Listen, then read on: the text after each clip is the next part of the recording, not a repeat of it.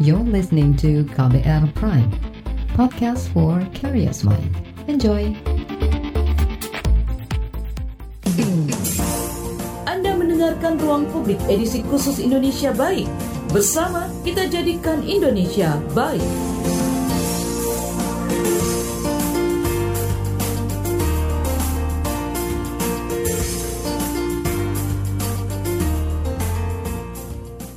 Selamat pagi, kita berjumpa kembali dalam Ruang Publik KBR edisi Indonesia Baik dan tema pagi hari ini ayo belajar kriya dan seni. Bosan di rumah, mulai jenuh dengan situasi bekerja dan belajar di rumah? Yuk belajar membuat kriya atau kerajinan tangan dan seni saja. Weekend Workshop atau lebih dikenal dengan Wewo adalah salah satu platform yang aktif membagikan pengetahuan tentang kriya dan seni. Dalam ruang publik edisi Indonesia Baik yang hadir di hari Jumat kita akan mendengarkan kisah orang-orang baik yang menyebarkan kebaikannya untuk masyarakat.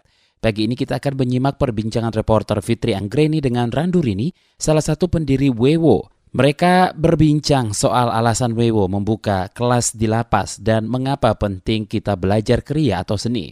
Selain itu juga kita akan mendengar komentar Ibu Ina Imaniati, bekas Kepala Seksi Bimbingan Narapidana atau Anak Didik Lapas Wanita kelas 2A Bandung, Jawa Barat, dan salah satu warga binaan lapas soal kelas Wewo ini.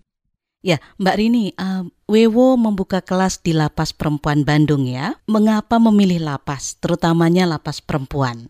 Oke, salah satu yang membuat kita memilih untuk mengadakan kegiatan di uh, lembaga pemasyarakatan itu adalah karena pertama kita berpikir bahwa yang ada di lembaga pemasyarakatan itu sebagian besar dan hampir semuanya adalah orang-orang atau tenaga kerja yang produktif.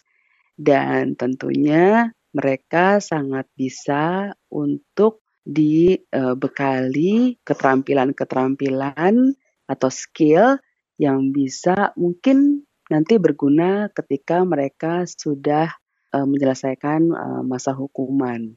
Dan kedua, uh, karena saya juga sarjana hukum, jadi saya selalu melihat bahwa uh, lembaga pemasyarakatan itu juga sebuah lembaga untuk merehabilitasi.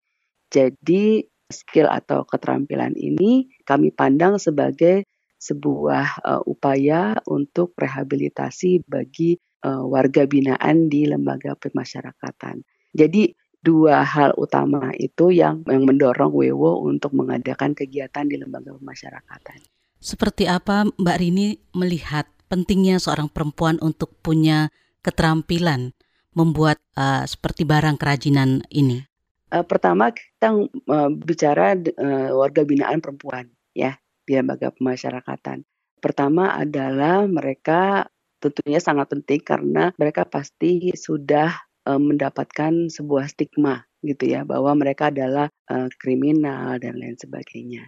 Dan untuk itu ketika mereka nanti sudah menyelesaikan masa hukuman, stigma tersebut akan mempersulit mereka untuk mencari pekerjaan di sektor-sektor uh, formal dalam tanda kutip ya misalnya bekerja kantoran dan lain-lain gitu.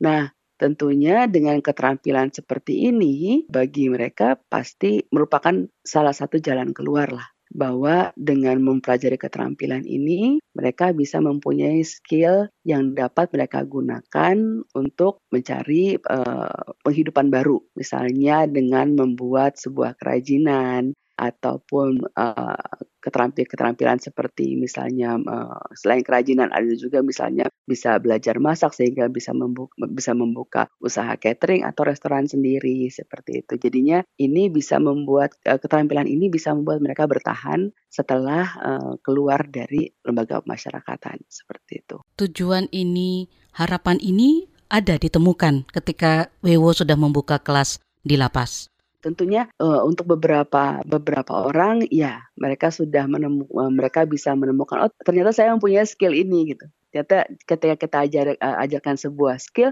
oh ternyata saya suka ya skill ini dan saya mau menjadikan ini sebagai pegangan saya nih ketika keluar. Dan, dan selama kita mengadakan pelatihan di sana, teman-teman warga binaan sering berkonsultasi gitu loh ketika kita mengajar ini barang bakunya kalau di luar beli di mana Lalu bagaimana saya mendapatkan misalnya kalau saya mau ngerajut, bagaimana saya mendapatkan pola. Lalu uh, bagaimana saya mendapatkan akses informasi untuk uh, mengembangkan keterampilan ini seperti itu. Dan memang beberapa beberapa mantan warga binaan yang sudah yang sudah keluar memang serius gitu ya untuk menjadikan keterampilan yang mereka yang mereka dapatkan di selama di dalam lapas untuk dijadikan uh, semacam mata pencarian mereka setelah di luar lapas dan itu tentunya uh, menyenangkan dan kami berharap itu bisa mereka kembangkan terus gitu Mbak Fitri. Apakah uh, Wewo dalam hal ini juga ikut membantu ketika warga binaan sudah keluar membantu dari uh, segi modal dan juga pasar untuk produk yang mereka hasilkan nantinya? Saat ini yang kami bisa bantu adalah sebenarnya belum terlalu besar ketika mereka keluar. Uh, misalnya kami ketika mereka keluar dan mereka sudah memproduksi produk, memproduksi barang gitu ya, mereka menghubungi misalnya menghubungi salah satu dari tutor gitu ya seperti saya. Mbak, saya sudah membuat ini. Oke, okay, uh, saya coba lihat barangnya seperti apa lalu dia mengirimkan foto gitu ya bahkan mengirimkan sampel gitu. Mbak sampelnya seperti ini barangnya seperti ini. Oke kamu bisa mendengarkan mutunya seperti ini. Jadi kita membuka semacam konsultasi gitu barang-barang mereka gitu ya yang mereka hendak jual gitu. Oh ini harus di apa di di di, di uh, diperbaiki QC-nya gitu. Dan mereka uh, terus berlatih gitu ya. Terus berlatih membuat produk yang lebih baik dengan konsultasi itu. Terus kita juga mendukung dengan membeli juga produk mereka gitu kan. Istilahnya produk pertama yang yang beli tutornya dan itu membuat mereka sangat uh, bersemangat untuk tetap terus berwirausaha seperti itu. Nah, untuk pengadaan modal ini memang sedang kami garap sedang kami garap konsepnya bagaimana sisi rehabilitasi dari lapas itu bisa kita jadikan semacam sebuah uh, pembinaan bisnis seperti itu.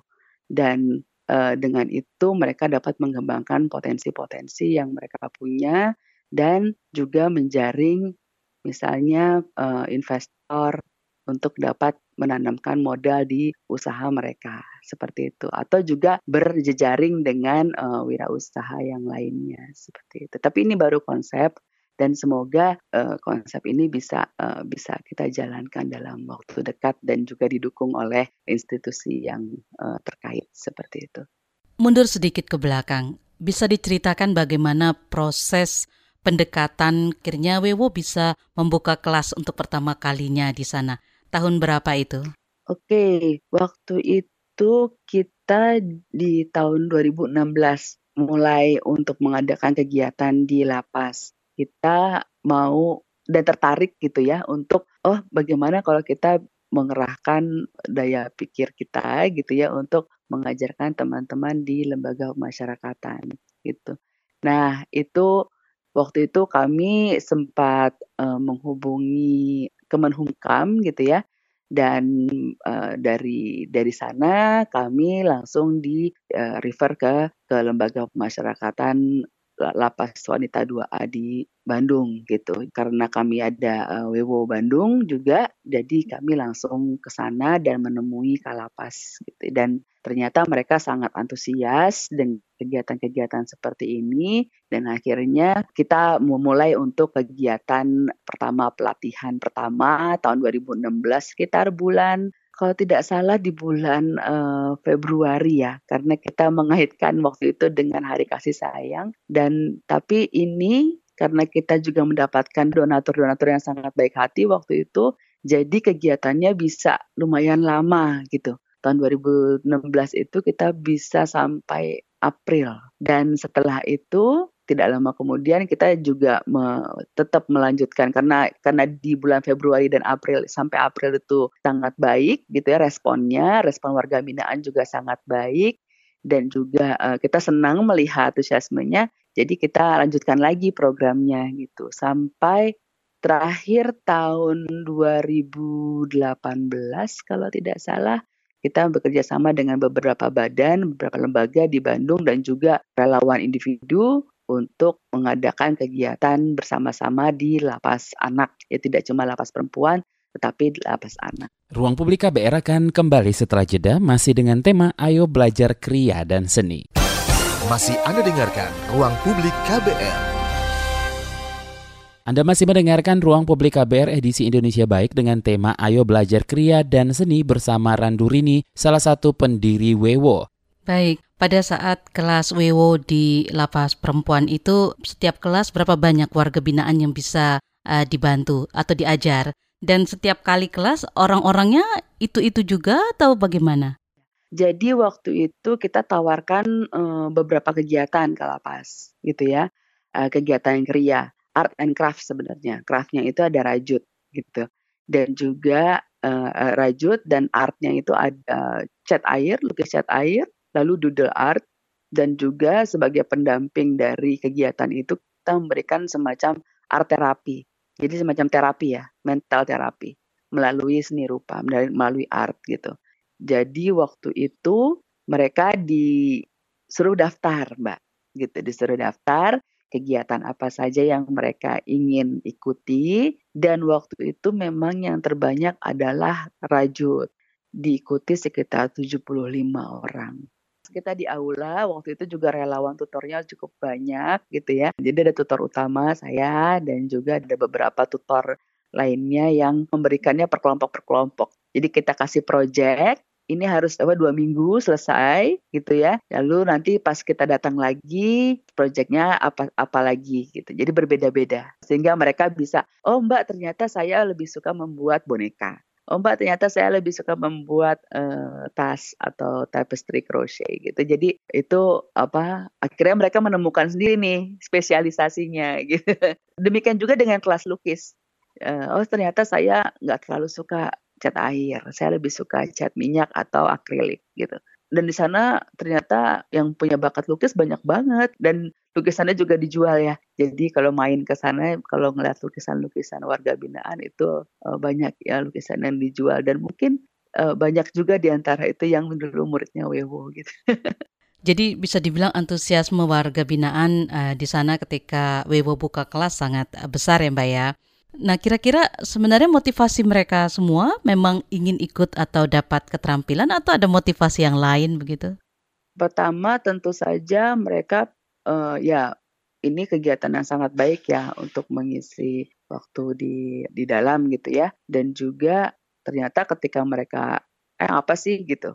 Awalnya mereka, memang mereka tidak tahu gitu mereka mau diajarkan apa. Oke rajut gitu ya. Tapi setelah kita terangkan apa sih yang bisa mereka lakukan dengan rajutan ini gitu ya? Apalagi yang belum bisa gitu. Ada ada sebagian kecil yang sudah bisa ada ya tapi sebagian besar belum bisa ya mereka kan males ya mbak ya gitu ya. Kayak aku nggak bisa deh kan aku nggak bisa deh gitu. Tapi ketika kita kita minta mereka mencoba coba dulu gitu. Tidak ada yang tidak bisa tidak ada yang tidak bisa gitu. Kita sudah Wewo sudah mengajarkan begitu banyak orang dan banyak sekali yang sudah yang sudah bisa dari yang belum bisa sama sekali. Dan ternyata mereka oh ternyata asik ya gitu. Ternyata asik dan sangat efektif untuk istilahnya mengisi waktu gitu ya. Jadi mereka tidak bosan dan tentunya mereka jadi teralihkan jadi semacam terapi juga buat mereka ketika mereka mengerjakan rajut atau apa atau melukis segala macam gitu. Itu itu jadi jadi semacam rehabilitasinya juga buat mereka. Gitu. Dan reporter Fitri Anggreni juga berbincang dengan Ibu Ina Imaniati bekas Kepala Seksi Bimbingan Narapidana Anak Didik Lapas Wanita Kelas 2A Bandung, Jawa Barat, dan juga salah satu warga binaan Lapas soal kelas Wewo ini. Mengapa pada saat itu Ibu memilih untuk membolehkan Wewo membuka kelas di uh, eh, LP pada saat itu? Waktu itu saya masih ingat uh, datanglah um, Mbak Devi sama Mas Cimot. Belum pernah ketemu ya, langsung ngobrol, terus ngebuka laptop dia menawarkan seperti mau mendapat keuntungan aja. Wah ini diceritain bagus ya kan? Eh, singkatan-singkatannya terus kayak pokoknya mah program-program kayak watercolor diceritain. Tapestry apa amigurumi apa gitu kan. Kita sampai tertarik ini. Ini capek-capek gitu kan nerangin. Padahal mau memberikan pelatihan dengan gratis tapi begitu semangat gitu. Ya kita senang-senang aja. Memang kita juga waktu itu ya perlulah pihak lain memberikan pembinaan ikut membantu membina warga binaan kalau kalau hanya mengandalkan dari dalam juga kita uh, banyak keterbatasannya. Setelah itu kita diterangin itu kan alhamdulillah ayo uh, kita seneng gitu kan. Uh, mulailah. Terus datangnya bukan cuma bawa badan doang sama ilmu doang sama bahan-bahannya juga dibawa. Ya alhamdulillah seneng banget kita.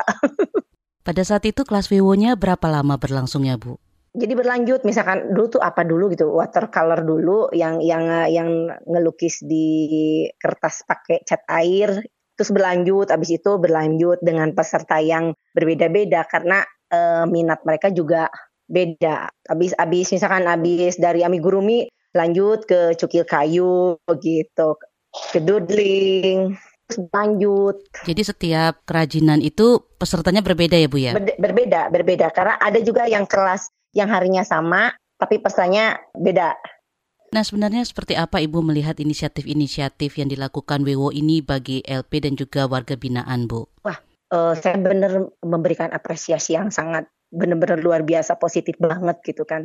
Saya juga nggak berharap tadinya ternyata antusias anak-anak begitu begitu hebat. Kayak misalkan biasanya kita di lapas itu kan uh, udah biasa ngerajut yang jadinya jadi tas gitu kan itu hal yang udah biasa lah anak-anak udah bisa. Tapi ketika ketika Wewo datang asli mereka juga yang udah udah mahir di rajutan tuh oh iya ya kok bisa dibikin uh, ngebentuk boneka ngebentuk uh, pakis kayak gitu. Bener-bener hal yang baru. Sampai-sampai uh, pegawainya pun ikutan bergabung saking uh, tertariknya gitu kan. Kalau tertariknya juga anak-anak dikasih bahannya gitu kan. Jadi pada semangat hampir ikut semua kelas sih. Dulu ya kan ada kelas uh, apa cukil buat stem terus ada yang doodling terus ada yang uh, crochet terus kelas menulis yang sekarang juga aku ikut juga gitu aku suka yang uh, doodling sama nulis. Jadi sebenarnya kan kayak awalnya tuh aku tuh nggak bisa gambar gitu ya, tapi ternyata tuh sebenarnya pada saat dikenalin sama Wewo soal doodling tuh sebenarnya tuh kayak art therapy gitu loh.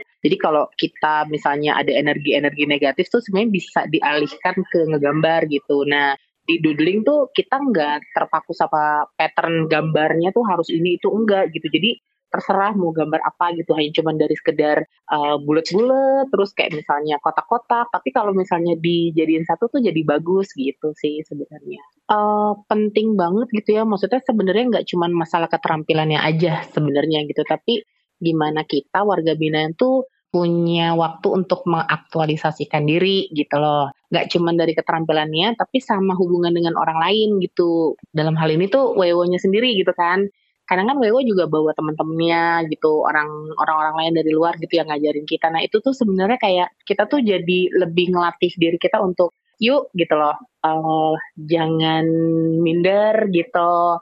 Yuk aktualisasiin diri yuk lewat ilmu lewat hubungan sosial sama si uh, Wewo-nya juga teman-teman Wewo juga gitu sih sebenarnya. Dan teman-teman di warga Minang juga kan nggak kita jadi jadi kenal gitu kan oh ternyata temenku di kamar yang kamar satu ternyata bisa ini ya gitu. Oh yang di kamar lima tuh ternyata bisa ini gitu sih. Doodling tuh lumayan banyak ya uh, iniannya. Kalau nggak salah sih uh, hampir doodling tuh hampir 20-an deh kalau gitu terus kalau kelas menulis tuh sekitar 15-an ada gitu. Nah jadi kalau enggak jadi kalau dulu waktu keterampilan nih ya kalau keterampilan tuh uh, doodling terus bikin scrap sendiri yang sama Wewo tuh terus yang crochet merajut itu tuh kita uh, jadi dulu kan kita tuh nggak terlalu update soal di luar tuh jenis keterampilan apa aja sih gitu. Terus datanglah Wewo oh ternyata ada macam-macamnya gitu. Dan kita tuh jadi kayak melek informasi loh. Hasil hasilnya tuh ya kita jadi kayak kita simpen sendiri. Atau enggak kadang-kadang kita bisa bikinin temen di luar misalnya datang kunjung eh ternyata lo bisa bikin ini bikinin gue dong. Terus nanti kadang-kadang mereka ini ya uh, udah bikinin gue gue kasih gue kasih uangnya kayak gitu. Itu sih jadi kan kayak ngebuka opportunity juga untuk akhirnya uh, buka usaha kayak gitu-gitu sih sebenarnya. Uh, saat ini Wewo sudah membuka kelas di lapas perempuan dan juga anak ya Mbak ya. Ada rencana untuk uh, meluaskan jangkauan ke lapas lain begitu?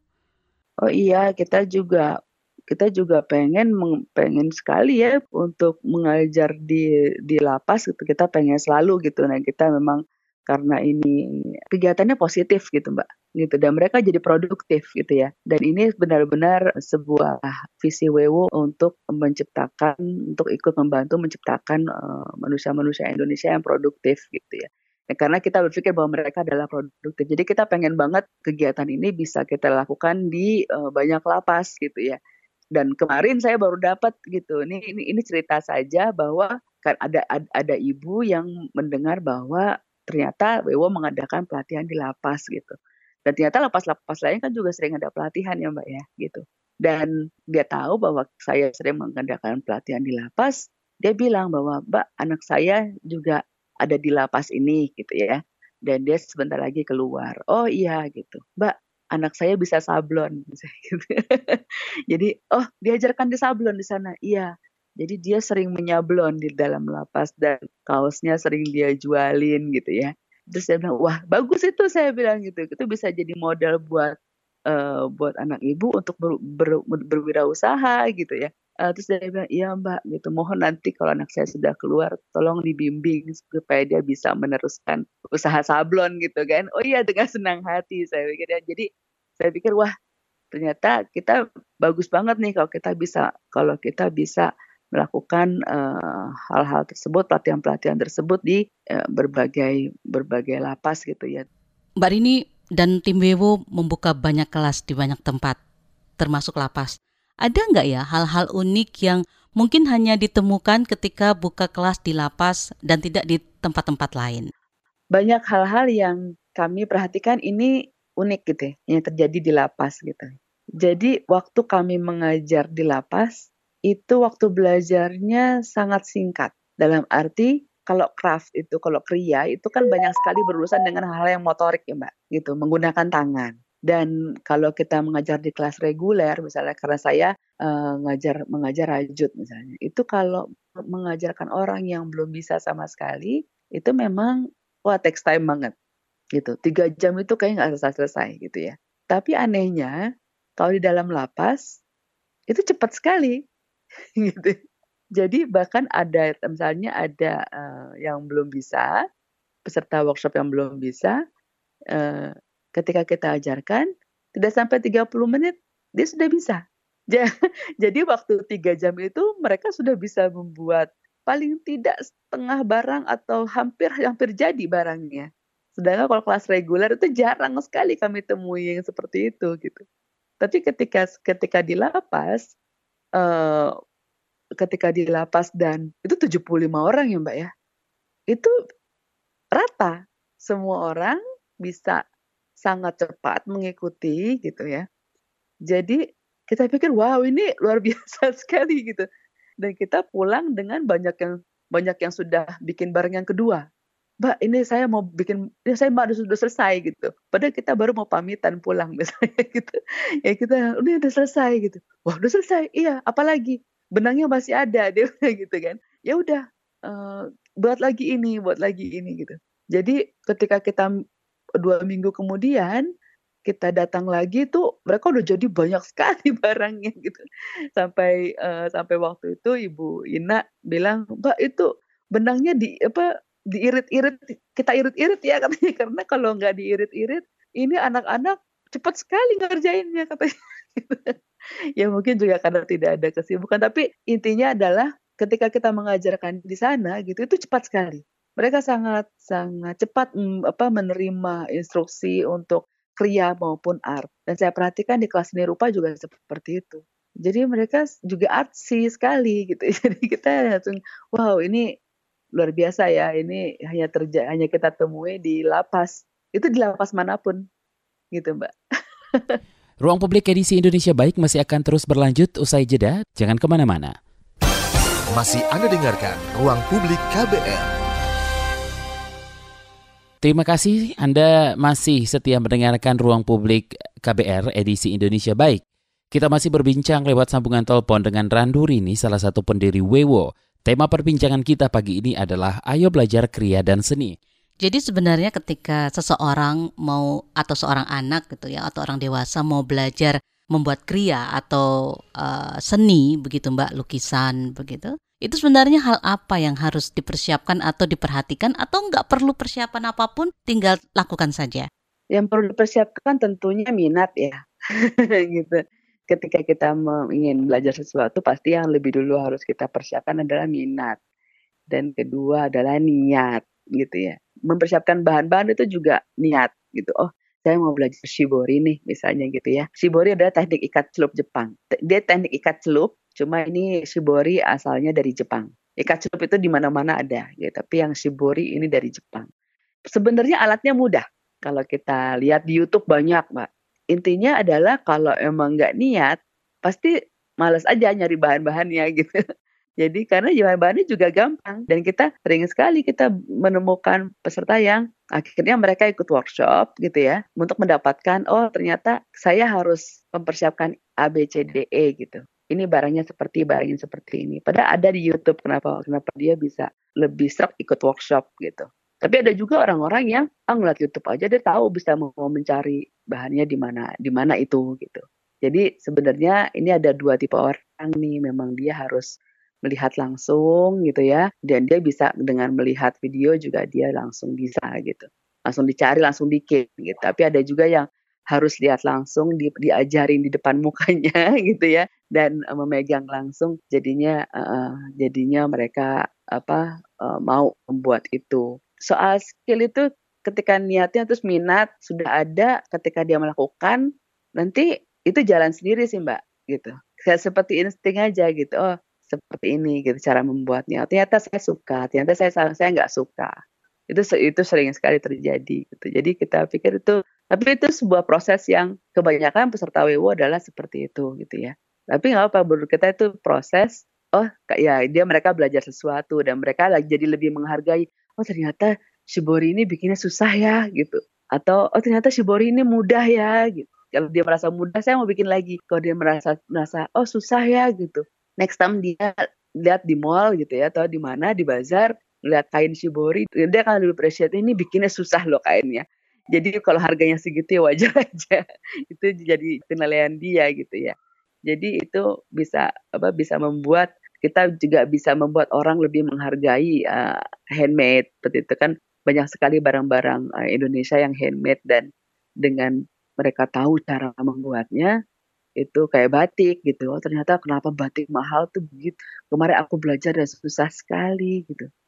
Jadi itu merupakan apresiasi apa apresiasi mereka sehingga jadi kali mendayung dua tiga pulau terlampaui jadi mereka mereka bisa tahu memiliki pengetahuan cara produksinya juga mereka lebih mengapresiasi uh, produk tersebut gitu ketika dijual oleh orang lain.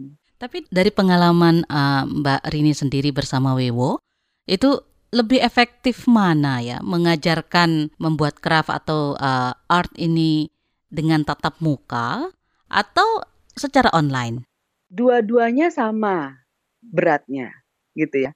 Pertama karena Wewo adalah kumpulan tutor gitu ya. Mau offline maupun online itu pertama kita tetap harus mempersiapkan materinya sedetail mungkin. Membuat orang atau uh, peserta mengerti apa yang kita ajarkan.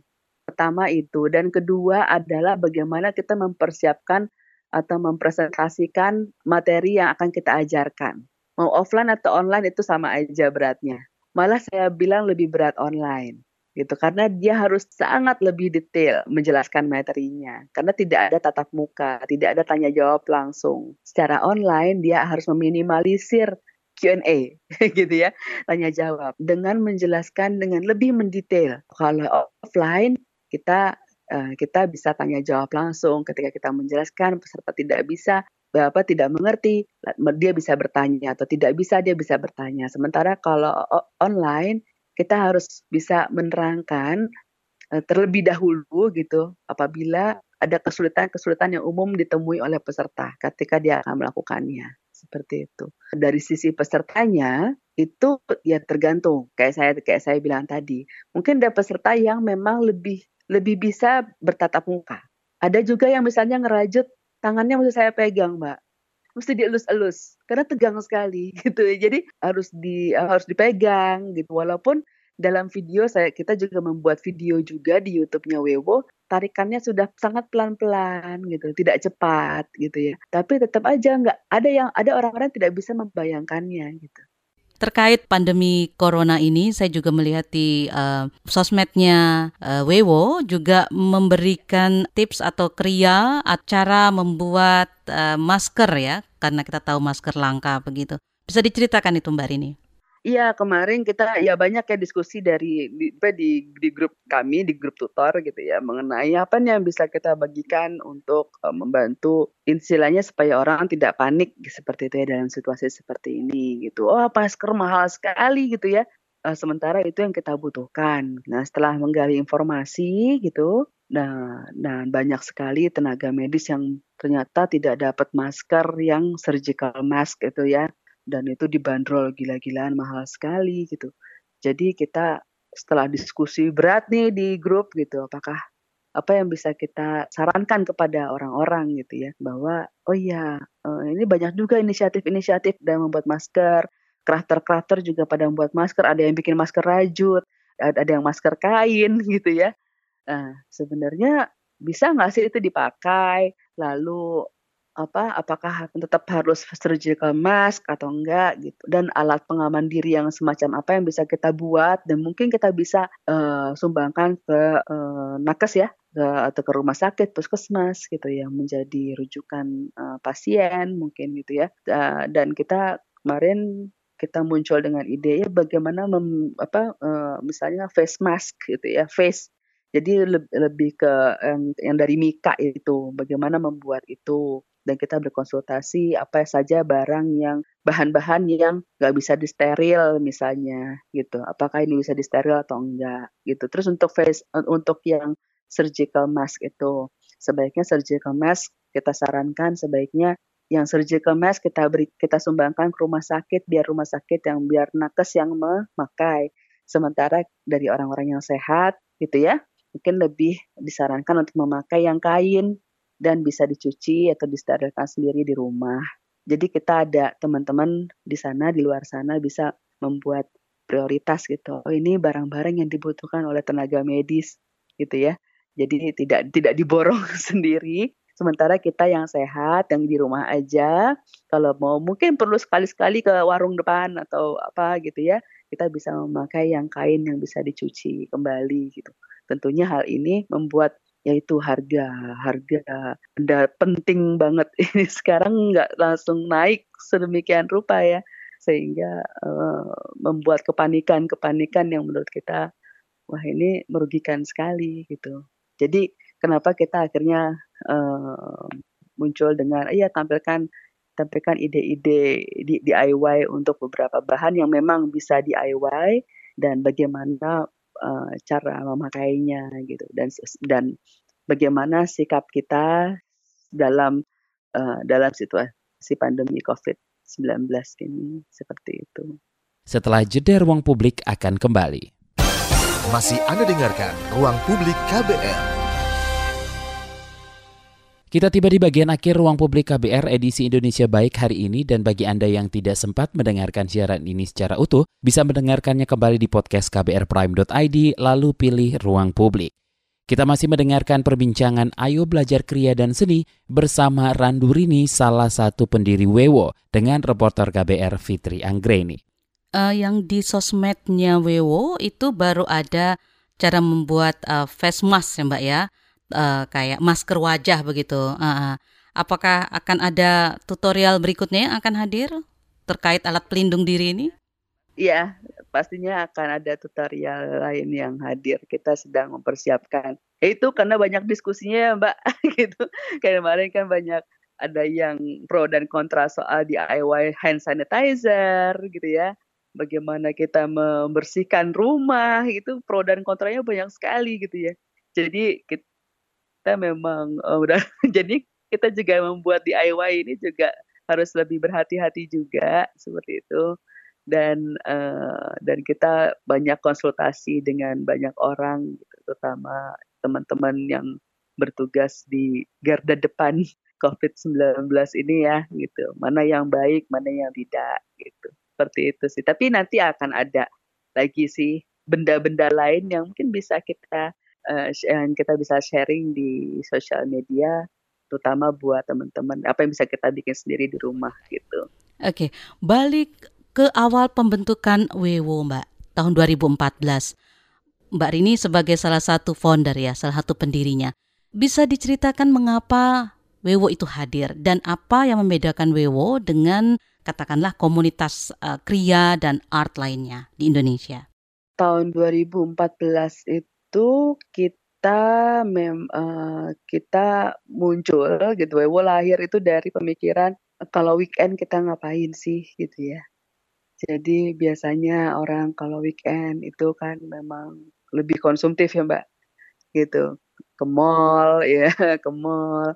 Lalu ya apa gitu uh, lebih jauh lebih konsumtif lah di weekend itu. Kita sempat uh, apa kecil-kecilan lah ini ya uh, riset kecil-kecilan di teman-teman gitu. Kalau weekend biasanya mereka menghabiskan uang berapa gitu ya.